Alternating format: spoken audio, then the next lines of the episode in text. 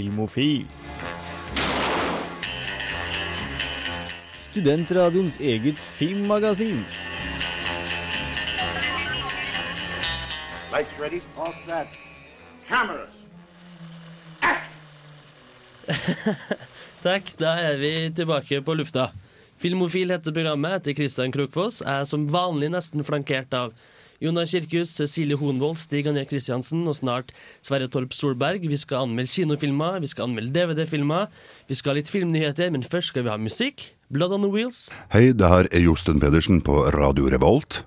Radio Revolt, 12 points. Mm, Blood on the Wheels med The Reaper her på Filmofil. Du hører Sverre har kommet inn i studio. Jeg sitter her også med Cecilie og Stig André. Du hører på Filmofil ja, her på Radio Revolt, og vi liker å snakke litt filmnyheter. Det er både eller de litt større kommersielle tingene og de små, litt snevre tingene som interesserer oss. Men vi begynner her, rett ved min høyre. Stig André, du fant en nyhet som du sa var årets gladsak. Ja, det er 3D-porno på italiensk vis. Italienom- eh, Italieneren Tinto Brass, som i sin tid fikk mye støv og bråk eh, rundt av filmen Caligula fra 1979, har nå annonsert at han vil lage verdens første 3D-pornofilm. Den skal skytes i Italia, og det blir da faktisk også da Italias første 3D-film, med opptak i mai 2010. Vi gleder oss! Skal nevnes at Tinto Brass eh, var med på den store italienske bølgen på 60- og 70-tallet, hvor de lagde 200-400 filmer under forskjellige alias i forskjellige sjangre, og han har vært innom pornoen før. Spennende. Cecilie, Ja, eh, Hans Petter Moland har vært eh, i Berlin og vist fram sin nye film eh, eh, 'En ganske snill mann'. Eh, og nyheten min er Nei. eh, det er eh, stor internasjonal interesse for denne filmen. Eh, og de har allerede solgt den til Estland, Latvia, Litauen, Polen, Russland, Nederland, Belgia og Luxembourg. Dessuten regner de med å få med Sveits og eh, Tyskland eh, og alle mulige andre land også. Og det er veldig morsomt, fordi den enda ikke har hatt premiere i Norge ennå. Filmen har premiere 19. mars i Norge, og vi gleder oss. jeg har lest på internett at Martin Scorsese og Robert De Niro skal lage en oppfølger til Taxi Driver, og det må jo være tidenes nyhet. Eh, ja, det hadde jo vært hvis det hadde vært sant. Eh, men Hva? Dag, ja, fordi eh, nå kunne jeg lese på Dagbladet, eller var det NRK, i går at det her har da Lars von Trier gått ut og sagt det er bare tull. Det er bare tull. Fordi det ville legges til at en del av ryktet var at de skulle lage den filmen sammen med Lars von Trier, Ja. De Niro og, som da, ja, og, og von Trier. som er en fin trio. Men, uh, Skuffa. Skuffa. Og De Niro hadde jo verken bekrefta eller avkrefta, Som vanlig. som vanlig. På Radio Revolt så spilte vi Let's Ride med Q-Tip. Du hører på Filmofil, og vi går gjennom et par filmnyheter. Stig André, du har vel mer på agendaen? Det har jeg. Det er uh, nå blitt annonsert nylig at Quentin Tarantino han satser på å få ut uh, Kill Bill volum 3 i uh, sånn eh, ca. 2014. Og som uh, Quentin Tarantino selv har sagt, The Bride Will Fight Again. Action og spenning der, altså. Cecilie Honvold. Ja. Nei, det går mye rykter i Hollywood. Eh, siste rykte er nå at eh, Zac Efron fra High School Musical-filmene, alle jenters, eller småjenters drøm, ønsker å spille Spiderman. Nei! Nå er rollen nemlig ledig, siden Toby Maguire så fint har sagt den fra seg. det har også regissør Sam Raimi sagt. Han vil heller ikke være med på lasset på en Spiderman 4, så da blir det helt nytt team både foran og bak, kan jeg tenke meg. Mm. Men kan vi tenke oss uh, Zac Efron i tightsene? Nei. Nei. Da var vi vi ikke. enstemmige der. ja. Stig André, på tampen her så har du en gladnyhet til. Ja da, Dolly Parton hun er ute og skal i en virkelig big old boob job. Eh, Hun har lyst til å lage en eh, film om livet sitt. Og eh, det er da hennes yndlingsskuespillerinne Scarlett Johannessen som da antagelig skal spille henne. Vi gleder oss. Dette blir gøy. Hvorfor ler du, Sverre? Jeg vet ikke, jeg ser for meg uh, Zack i rollen som Spiderman og Scarlett Johansson i rollen som Bobby Dolly Parton. Eh, Husk at strålende det er to forskjellige filmer. Altså. Ja, men det er bare samme. castinga i dag er forferdelig. Det var visstnok litt eh, problematisk å finne en, eh, en eh, jente i Hollywood som passet uh, Dollys figur både i høyde og bredde og puppstørrelse og alt som var. Så Og dybde, ikke minst. For ja, Dolly er jo ganske lav, men hun er likevel ganske Farm. Fager. Takk. Ja. Så sånn sett så, sånn sett så kan jo Scarlett Johansson være et alternativ. Dessuten så vet vi alle at hun kan synge. Oi. Vi har vel spilt et par av hennes låter her før, Ja. og vi er heller skeptisk. Det var litt filmnyheter her på Filmofil. Vi skal snart ta fra oss noen kinoanmeldelser, f.eks. 'Kjærlighetens galskap' fra Finland. Først får du Eels, 'Gone Man'.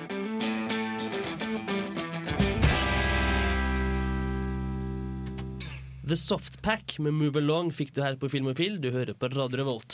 Vi har kommet til den delen av programmet hvor vi skal anmelde kinofilmene som har premiere til helga. Sverre Torp Solberg har sett en finsk komedie som har premiere på fredag. Den heter 'Kjærlighetens galskap'. Mä lähden mihinkään, heitä helvettiin täältä. Ei mä kotoni lähtisin. Tänne tulee tänään yksi mies illalliselle. Det er regissør Mika Kaurismäki som står bak den finske komedien 'Kjærlighetens galskap'. Juhani og Tula skilles etter ti års ekteskap, men skal prøve å bo under samme tak enn så lenge. Mannen Juhani er ekteskapsrådgiver og setter opp regler for samboerskapet, men tuller det til og drar med seg en ny kvinne hjem allerede første kvelden. Tula blir sjalu og ringer sin gamle elsker for å hevne seg på eksmannen, som igjen må finne på et nytt sprell for å såre fruen i huset. Og sånn fortsetter det. Kuule kulta, jos sä lähdet, niin ehkä pysty en. Ilman sua kaikki on yhtä pimeää.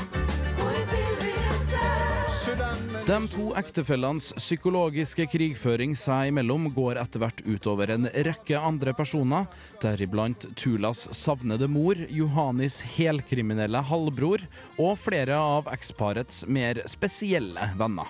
Det blir veldig mye sex, litt vold og et par skikkelig heftige dialogvekslinger, men filmen blir aldri spennende og aldri så morsom at jeg tørs å le høyt. Kjærlighetens galskap får meg til å trekke på smilebåndet, men det slutter der. Og det er egentlig helt greit. Det er ganske enkelt hjernedød finsk underholdning, antageligvis på sitt sedvanligste. Terningkast fire.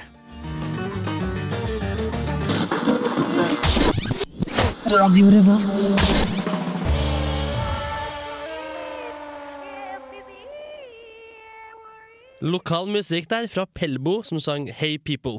Vi fortsetter å anmelde kinofilmer. Jonas Kirkhus har sett en prisvinnende engelsk film om sosialrealisme. Den heter Fish Tank. You need sorting out, you do. So you keep saying, but you don't know nothing, so why should I listen? Mia er 15 år og i ungdomsopprør. I en ganske dårlig del av byen bor hun sammen med ei ødelagt mor, ei frekk lillesøster og masse billig vodka. Med disse forutsetningene må Mia utforske både verden og seg sjøl, uten å ha noen formening om hvordan eller hvorfor en gjør sånt. Me,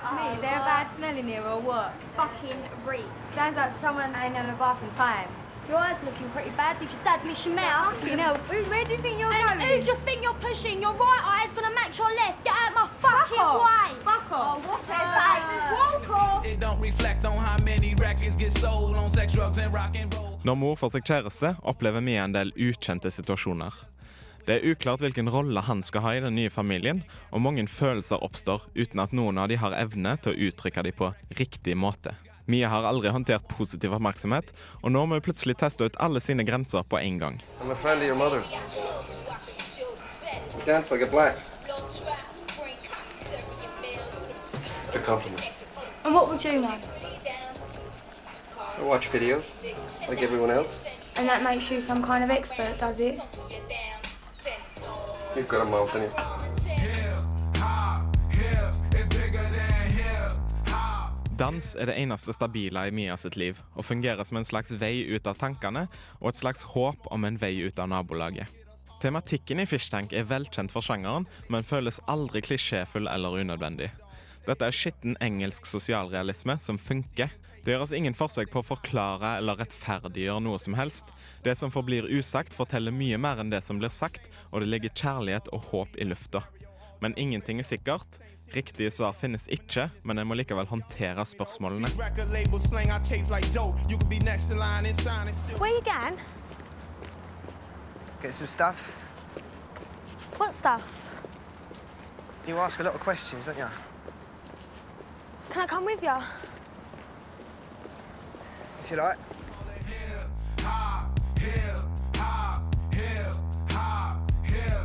Sammen med godt skuespill og riktig lydbruk gjør dette Fish Tank til en fin og troverdig film om engelsk underklasse, håp og håpløshet.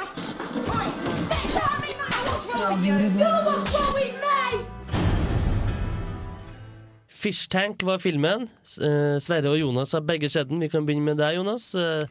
Eh, Kjapp tanker, kjappe tanker og et terningkast. Eh, som sagt så er det deilig engelsk arbeiderklasserealisme som eh, funker ganske bra. Det er en ganske uggen stemning, noe jeg eh, set, setter pris på. Fint. En litt sånn Shane Meadows-stil over det.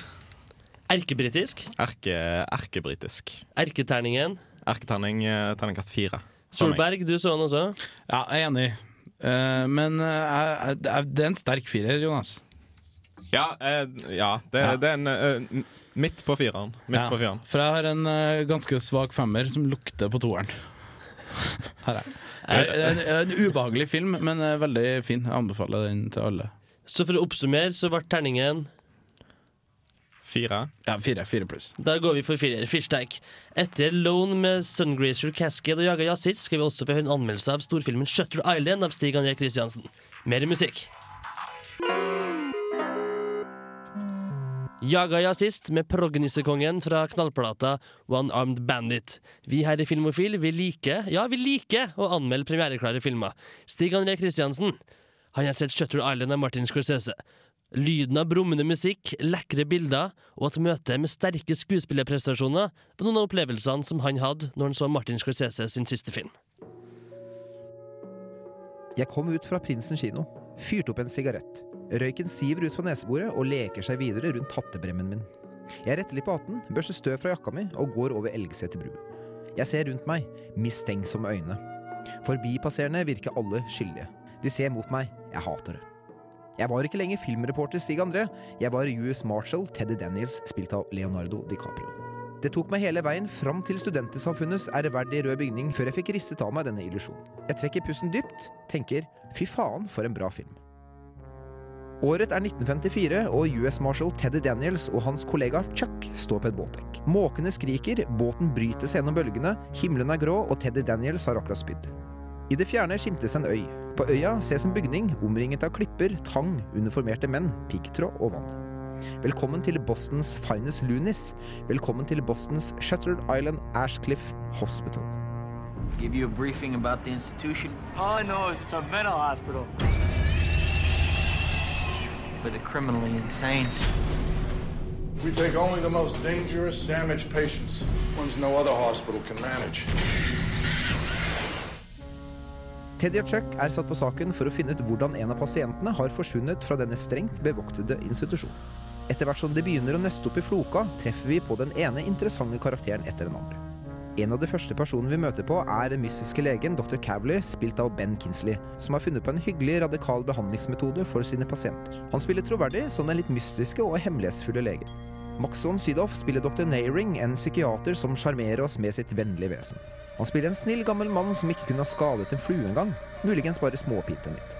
Når disse gutta koser seg med whiskyen foran en knitrende peis og forklarer til Teddy hva som har skjedd på institusjonen, ja, da begynner det å lukte litt råtten fisk. Marshal Daniels? Doctor. So this female prisoner, Rachel Solando, escaped sometime in the last 24 hours. She considered dangerous? You could say that. It's 11 miles to the nearest land and the water's freezing. We don't know how she got out of her room. Came back for a midnight round, she was gone. It's as if she evaporated straight through the walls. Og mens vi snakker om karakterer, gjett hvem som raver rundt på området i en militærfarget jeep? Jo, selveste Ted Levine. Han spilte Buffalo Bill i Silence of the Lambs, og annet den gale lastebilsjåføren Rusty Nails fra filmen Joyride. Det var en tårevåt gjenforening med mannen med det intense sølvgrå øynet og den psykotiske stemmen, som for øvrig gjør en saftig birolle i denne filmen.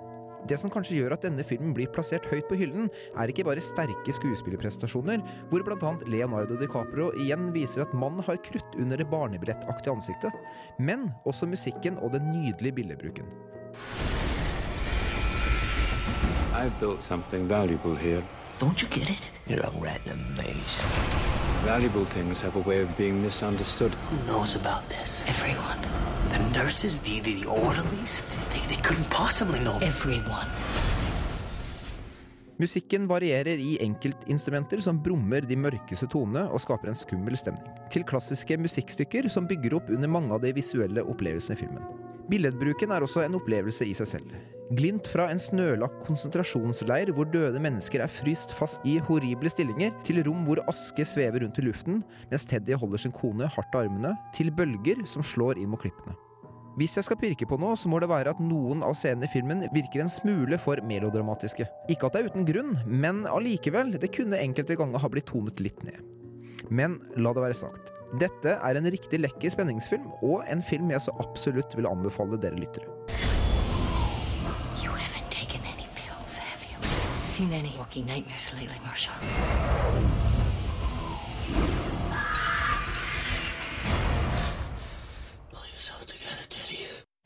Spenning og thriller fra Martin Scorsese med Leonardo DiCaprio. Ja. Du ble overbevist, Stig André. Absolutt. Eh, Fint å se på. Godt skuespill, manus. Ja. Det ble tatt med storm. Du ble tatt med storm. For å bruke det flotte uttrykket. Da må vi nesten bare trille en terning på Shutter Ter Island. terningkast eh, blir eh, fem fra meg. God anbefaling her fra Filmofil. Etterpå så skal jeg anmelde The Road med Viggo Morten Viggo Mortensen. Først skal vi ha litt musikk. Gode gamle Johnny Cash med Sea of Heartbreak.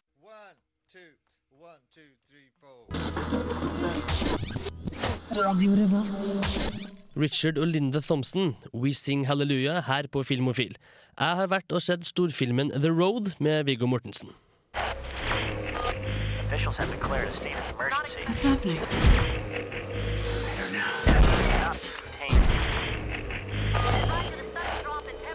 What you see is happening now. How many people do you think are still alive? In the world? Not very many. Verden har gått under, og det meste av liv har forsvunnet fra jordas overflate. Mat er nærmest umulig å oppdrive, og et stort skjold av aske stenger for lys og varme. I The Road møter vi en far og hans unge sønn som legger ut på en vandring gjennom et dystopisk og iskaldt landskap. De har et enkelt mål å komme seg sørover, kanskje til kysten. Der er ikke vinteren like hard, og det er alltid mulighet for å treffe likesinnede mennesker. For desperate tider skaper desperate menn, og blodspor i snøen betyr at det er sultne mennesker i nærheten.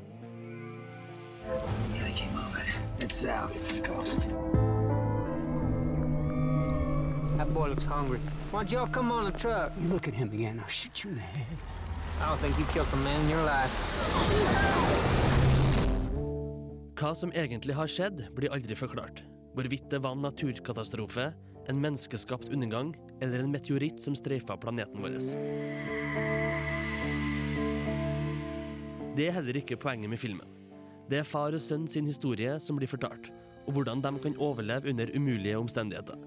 Tospannet spilles av knallharde Viggo Mortensen og veslevoksne Cody Smith McPhee, som var knappe tolv år når filmen ble innspilt. Begge gjør glimrende prestasjoner. Gjennom flashbacks møter vi også Charlize Theron som kone og mor. Og de scenene hjelper litt med å forklare opptakten til guttene sin lange vandring.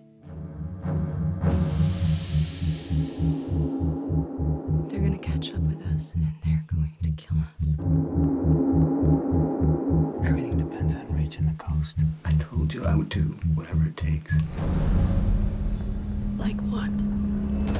Like what? Kill anyone who touches you, because that's my job.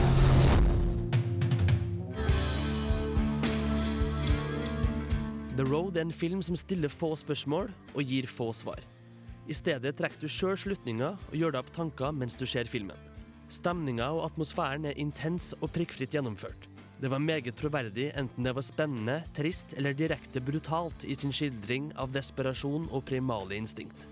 Usikkerheten henger tykt over hovedpersonene, og vi føler med dem. Alt blir fortalt fra deres synsvinkel, som høyner opplevelsen av virkeligheten i fiksjonsuniverset vi møter.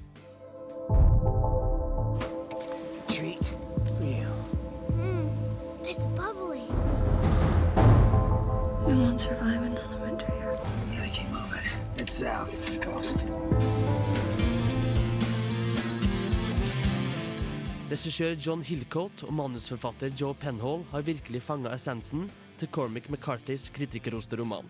Han er for øvrig også kjent som forfatteren bak No Country for Old Men. Tempoet er sakte, men The Road er aldri kjedelig. Skuespillet er glimrende. utenkelige situasjoner virker naturlig og realistisk. Det er sjeldent mellom filmer som du tenker på mange dager i ettertid. Men The Road klarer kunststykket å underholde samtidig som den åpner for en ubehagelig tankeprosess. Det er en lang og dyster vei til kysten, men en tur som alle burde ta.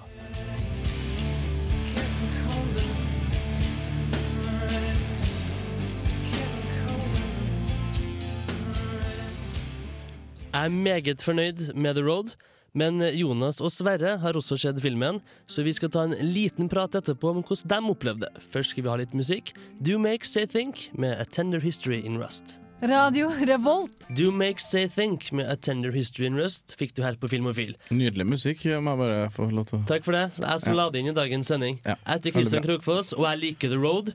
Jonas, Sverre, hva syns dere om The Road? Jeg vil bare si at Det er ikke så mye å tilføye etter at du ga en veldig grundig og god anmeldelse. Men jeg vil si meg helt enig med mange av punktene, bl.a.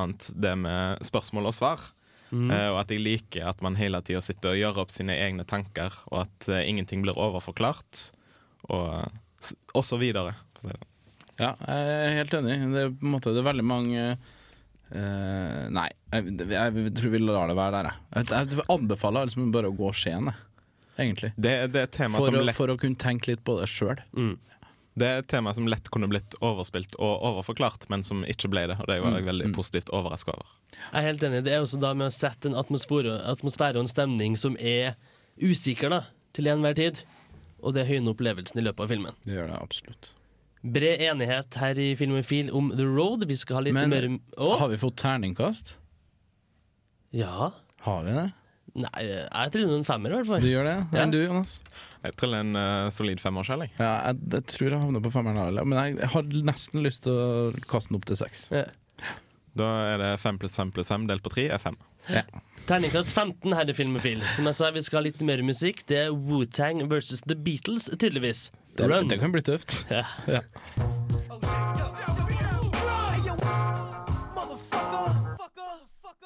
Radio Revolt. Herre min, jeg er nødt til å beklage på vegne av oss her i Filmofil for det grove språket i voldtekten av Beatles av Wu-Tang i låta Run. Men du, Sverre Solberg, du har med deg et ukjent fjes inn i studio. Ja, jeg har tatt med meg en eh, kar fra Under dusken, Atle Bjarnason. Velkommen til oss. God dagen. Ja. Eh, Du har vært og sett eh, The Princess and the Frog, nye Disney-filmen. Stemmer, stemmer. Har premiere nå på fredag. og Det her er da en, en, et eventyr fra New Orleans med en prins og en prinsesse som møtes. Er så? Ja, vi starter i New Orleans. Vi har eh, den unge Disney-prinsessen i gåseøynene. Hun er, eh, hun er fattig, hun er eh, svart i eh, rundt sånn 50-tallet, tenker jeg. Og eh, hennes største drøm er å starte en restaurant. Og så blir hun og en prins forvandla til en frosk, og de tar det videre derfra. Og så er det da hvordan de eh, skal komme tilbake igjen til menneskeverden, som er Stemmer. plottet i historien. Og overvinne en eh, ond trollmann, en voodoo-trollmann, som har forvandlet dem til frosker. Oi, oi, oi. Det er spennende. Yes. Blir det her Eller Disney har jo for vane å lage filmer som eh, blir klassikere, og nå har de på en måte gått tilbake fra 3D-animasjonene til, tilbake til vanlig 2D og tegning. Ja. Fungerer det? Altså, det er veldig flott animasjon, og det er veldig hyggelig å se de gode gamle 2D-tegningene igjen. Tar deg litt tilbake til barndommen. Men eh, altså, de går jo veldig tilbake Altså, det er veldig klassisk eh, Disney-eventyr, da. Det er, det er klassikerformelen, da. Som er eh, som, Eller oppskriftene går ut fra. Det er klassikerformelen som de har blitt kjent for. Mm. Nå har jeg sett eh, På en del amerikanske kritikersider så har den her havna ganske høyt opp eh, på, på terningen. Hvor landa du hen? Jeg Skulle jeg etter terningskast, så hadde jeg antageligvis havna et eller annet sted på midten. Antakeligvis en treer. En treer. Jeg blir ganske skuffa, må innrømme det. Ja. Vil det her bli en film som eh, små barn valfarter til for å, for å se, og ha på DVD når den kommer ut så langt? Jeg, jeg tror det. Jeg, jeg regner nesten med det. Og, men eh, sånn for meg som er liksom Filmen har ikke helt det samme som de ekte Disney-klassikerne som jeg har vokst opp med selv. Nei, men eh, kanskje en ny generasjon som får øynene opp for Disney med denne nye 2D-animasjonsfilmen. Ja, jeg håper jo selv at eh, det kommer flere 2D-filmer, kanskje i samme gate. Ja, det er et eh, sårt savn for oss her i Filmofil også. Da sier jeg tusen takk til deg, Atle Bjørnason, for at eh, du var med oss. Over til deg, Kristian.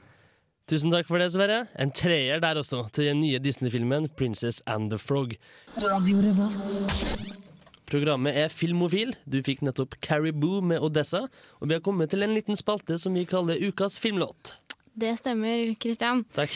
Eh, eh, jeg er litt i det romantiske hjørnet i dag, kan man si. Oi. Jeg plukket ut en eh, eh, film fra 1996. Ingen andre enn Romeo og Julie. Den husker jeg godt. Ja, Den tror jeg vi alle husker veldig godt. Mm.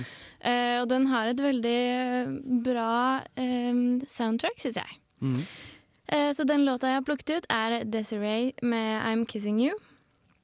Eh, så vi kan vel egentlig bare høre på den nå.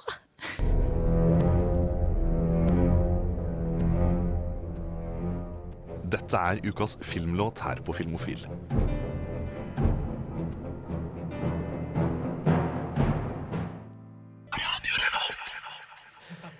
Kissing You av Desiree var ukas filmlåt her på Filmofil.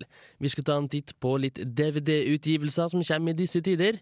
Når regissør Shane Acker bestemte seg for å gjøre spillefilm av eksamensoppgaven sin i animasjonsteknikk, sto ikke han like godt med seg Tim Burton på produsentsida. Resultatet er en animasjonsfilm på 76 minutter som aldri helt vekker de store følelsene hos vår anmelder Sverre Solberg.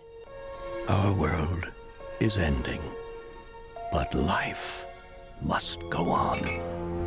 Jorda har allerede gått under når den vesle filledukka Ni våkner til live. For å finne ut av hvem han er, søker han ut i det øde og forlatte landskapet og finner åtte likesinnede. Filledukkene har lenge levd i skjul for skumle maskiner med onde hensikter. Og de har ikke turt å kjempe mot sine fiender eller finne ut hvorfor de blir jakta på. Før nå. We, we, have to get out of here. We, we must try to find another safe place. No more hiding. We're going after them. All of us. Den skitne, postapokalyptiske verdenen i Ni er mesterlig visuelt framstilt. Detaljrik og spennende. Om historien hadde vært like forlokkende som filmens estetikk, så hadde Ni vært en storslagen animasjonsfilm. Slowly, the world became silent. The only thing that remains now is the beast. So we stay hidden and we wait for it, too, to sleep. Ni er i all hovedsak en actionfilm forkledd som et stykke kunst. Den beveger seg for fort mellom actionsekvensene og blir repetitiv og kjedelig i lengden. Filledukkene er for så vidt sjarmerende og karismatiske vesener, men jeg klarer aldri å føle noe ordentlig sympati med dem. Dialogen er for enkel og stemningsscenene for få. Filmen er blotta for humor og avfeier på egen hånd de virkelig interessante spørsmålene. De er tåpelig, meningsløse. But where did it come from? Why is it hunting us? Questions like that are pointless. We need to protect ourselves, keep ourselves out of danger. Ni prøver å ta opp interessante diskusjoner rundt menneskelig sjel og den mørke baksida ved teknologisk utvikling, men den klarer det aldri helt. Isteden blir det dystert uten å bli verken spesielt intelligent eller særlig morsomt. You did it. No, I didn't. Not yet. Det høres ut som at du har litt lyst til å like animasjonsfilmen Nine, egentlig. Ja, jeg har egentlig det. Men? Nei, fordi de her søte små filledukkene, som det da er ni av, mm. naturlig nok eh, Ja. Så eh, hva, hva sa jeg? Jo, de er egentlig veldig søte, de er veldig godt laga, men eh, de mangler på en måte den der følelsen, da. Jeg, avslører ikke for mye hvis jeg sier at noen av dem dør eh, underveis i filmen. Nei, sånn som skjer det. Eh, ja. Og den, måte, det hjerteskjærende som de måtte prøve måte, prøver å få til med det, fungerer ikke overhodet. Fordi vi har ikke fått noe medfølelse med karakterene. Så det blir en litt for stor eh, emosjonell distanse, sjøl om du har lyst til å like dem. Ja. Det er vel, eh, det er vel eh, rett på spikeren. Burde filmen vært litt lengre? Brukt mer tid på å utvikle og presentere figurene, så vi ble kjent med dem? Ja, kanskje. Det er også et problem at eh, filmen på en måte ikke har noe høydepunkt. da. Den går på en måte ganske automatisk fra actionscene til actionscene, uten at noen av dem blir spesielt skummel, spennende eller eh, ja, tragisk eller noe som Mm, helst. mm. Sånn at det, det er en veldig flat struktur på hele filmen. Så hvis de hadde brukt litt mer tid på å kanskje bygge opp sånn at man får et lite høydepunkt, så hadde det nok blitt litt mer interessant. Da triller vi en terning på animasjonsfilmen Nine. Det kan vi godt gjøre. Det blir en syltynn treer, rett og slett bare pga. Tim Burton-nesken som er med. Ja. At den ser så Tim Burton-nesk ut. Takk for innspillene, Sverre Torp Solberg. Etterpå skal vi høre hva Jonas mener om musicalen Fame. Først 1001 med Kill, remikset av Amish 82.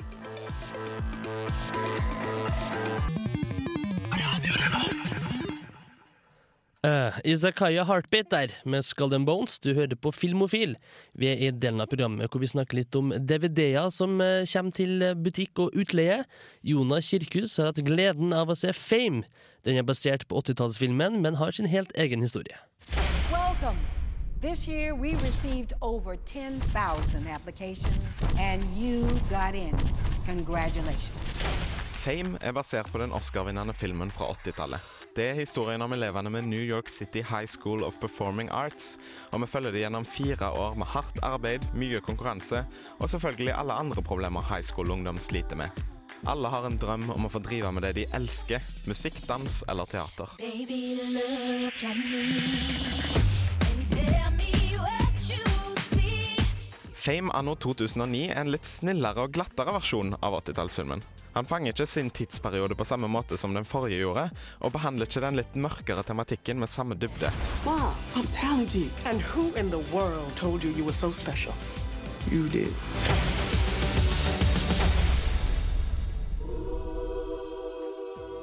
Denne filmen er uten aldersgrense, og det er kanskje også litt yngre publikum at den hører hjemme.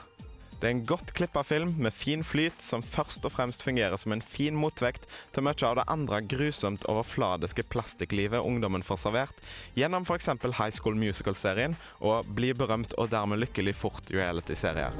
We don't care about your headshot, or your dress size, or your dreams of being in OK Magazine, on talk shows on the red carpet. Here, you will learn a discipline. Here, you will come to understand what being a performing artist really means. Fame har faktisk på en troverdig måte klart å si at det er hardt arbeid og brennende engasjement for det du holder på med, som er den beste veien til suksess.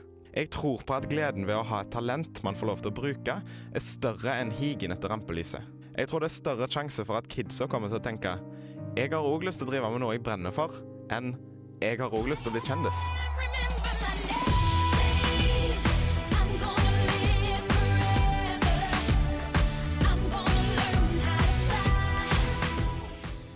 En annen positiv overraskelse er skuespillerne.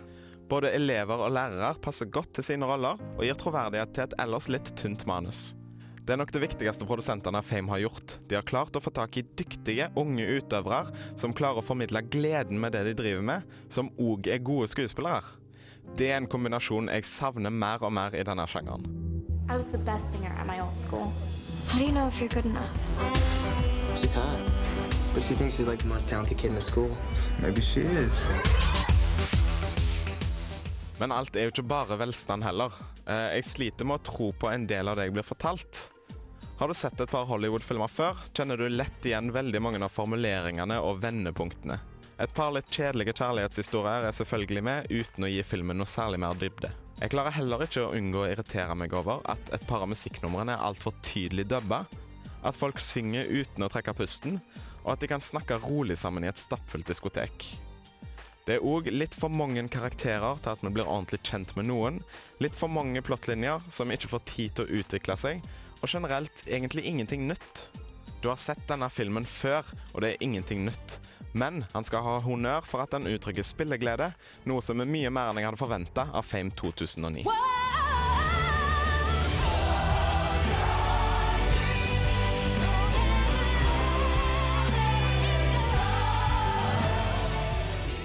Han er kanskje irriterende middels til tider, men hvis du nå først har veldig lyst til å se en high school-musikal, la det bli Fame. Somebody's just gotta make it out there. Why can't it be me? En herlig og ærlig Jonas Kirkhus der. Skal vi trille en liten terning på Fame, kanskje? Vi kan trille en terning. Det ble en eh, overraskende sterk trier. Jeg var klar for slakt, men ble positivt overraska.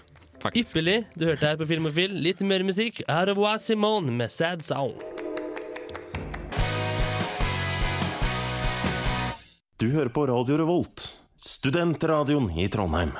Og pro programmet Filmofil, du hørte Sirens and Us med Race the Valiant Flag. Du sitter og fniser, Cecilie. Det skal vi straks få en slutt på. Vi tar tak i DVD-ene, og du har sett en film som heter The Soloist. Eller Yes. Solisten, da, som den heter på norsk. Hva slags type film er det? Uh, det er et drama uh, med Jamie Fox og Robert Downey jr. i hovedrollene. Mm.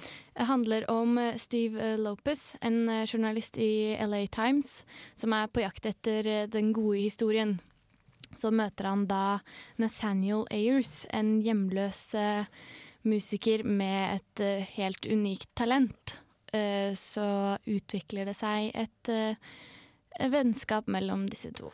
Får jeg spørre hvilket talent det er han eh, innehar? Ja, det er et musikktalent. Han er eh, veldig talentfull eh, musiker, men hoppet ut av en musikkskole, en anerkjent musikkskole, og ble hjemløs.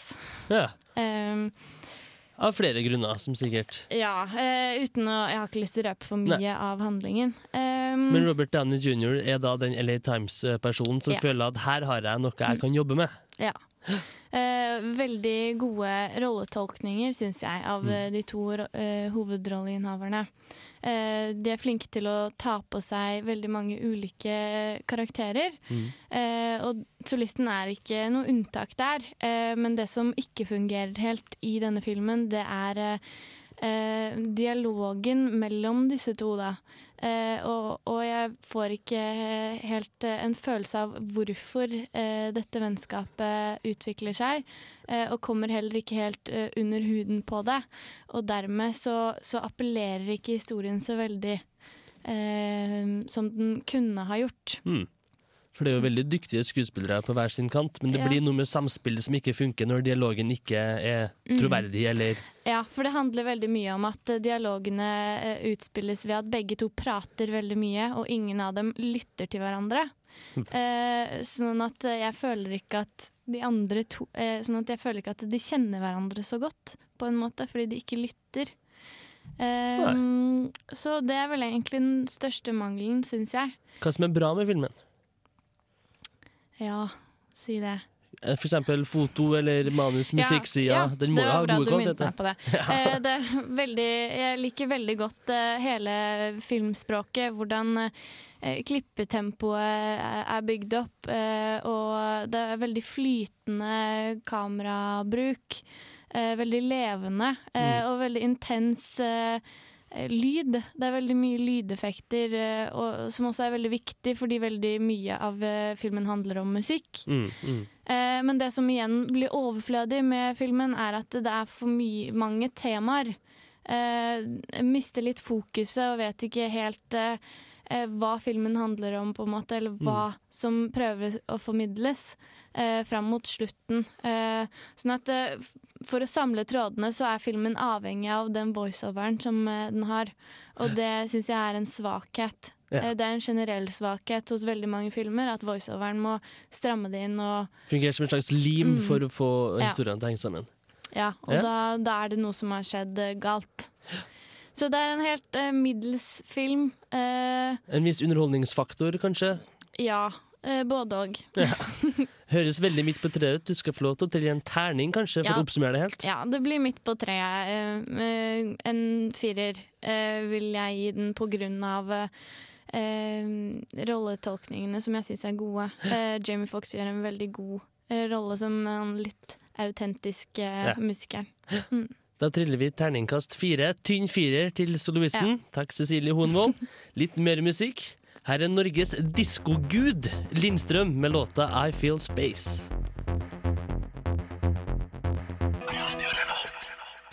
Yesayer med låta Matter Red. Du hører på Filmofil. Kanalen er Radio Revolt, og vi har også internettsida radiorevolt.no, som da er for hele radioen, hvor du også da finner filmanmeldelsene våre. Du finner intervjuer, reportasjer, eh, musikkrelaterte ting. Hva er det jeg glemmer, Jonas? Eh, Du glemmer i hvert fall at de som har vært inne på de forrige sidene, kommer til å få sin overraskelse, for vi har fått et veldig fresh, nytt eh, design. Vi har fått Eh, en Extreme Makeover Internett Edition. Ja, og det er nå mye lettere å finne fram, Mm. og vi har masse anmeldelser både i lyd og tekst, Ja. så det er bare å klikke seg inn. Vi skal være flinke til å anmelde så mye filmer som mulig som går på kino. Vi skal ta tak i DVD-utgivelser, både gammelt og nytt, og våre meninger. Vær de så subjektive eller ikke, vi hadde en diskusjon under låta her, så skal de anmeldelsene ut, så dere kan lese dem. Og det er veldig viktig. Der er det òg en ypperlig mulighet til å komme med litt eh, feedback på anmeldelsene, kanskje. Se hva du liker og ikke liker. Bruk kommentarfeltene eh, hyppig. Mm. Så, kommer, så er det en, straks en eh, page på vei på Facebook. På Facebook, så, sier du? På Facebook. Så bli fan av Filmofil på Facebook. Hvis du søker film og Hvis du søker Filmofil på, på, på Facebook, så kommer det også opp en eller annen uh, tysk side eller noe sånt, og det er ikke den. Bare Nei. sånn at det er uh, klargjort. Så er det også veldig viktig å huske at uh, nå får vi nye podkaster. Mm. Eh, dette har vi gledet oss til lenge. Eh, Så det må dere gå og laste ned, både på nettsidene våre og på iTunes. Ja, Bruk iTunes. Søk gjerne på Radio Revolt, så får du flere av programmene. Og da plukker du fram Filmofil, hvor vi skal være flinke til å jevnlig legge ut sendingene våre. Ja. Ypperlig. Det var, det var nyhetene om det. Vi skal- Følte vi oss litt fornøyde. Ja, jeg syns det er viktig å få fram det man jobber litt hardt med, sånn som vi gjør her. Vi begynner altså å bli gode på flere plattformer, kan vi si. Godt innspill igjen Mm. fra Jonas Kirkes. Eh, litt mer musikk, selvfølgelig. The Big Good Tanyas, Scattered Leaves. Du hører på Radio Revolt, studentradioen i Trondheim. Takk, jeg er på lufta. Du hørte Big Good Tanyas med Scattered Leaves. Litt Ane Brunish, som Jonas Kirkhus sa. Som er den første personen jeg skal takke, i tillegg til Cecilie Hoenvold, Stig André Kristiansen, Sverre Torp Solberg og selvfølgelig meg sjøl, Kristian Krokfoss. Vi har anmeldt litt kinofilmer. 'Prinsessen og frosken' fikk en treer. 'Fishtank' og 'Kjærlighetens galskap' fikk fire. 'Shutter Island' fikk fem av Stig André Kristiansen, og 'The Road' fikk fem av meg. Det var vel egentlig alt vi hadde, så jeg sier bare ha det, og vi hører litt mer musikk. The Brunettes med The Crime Machine.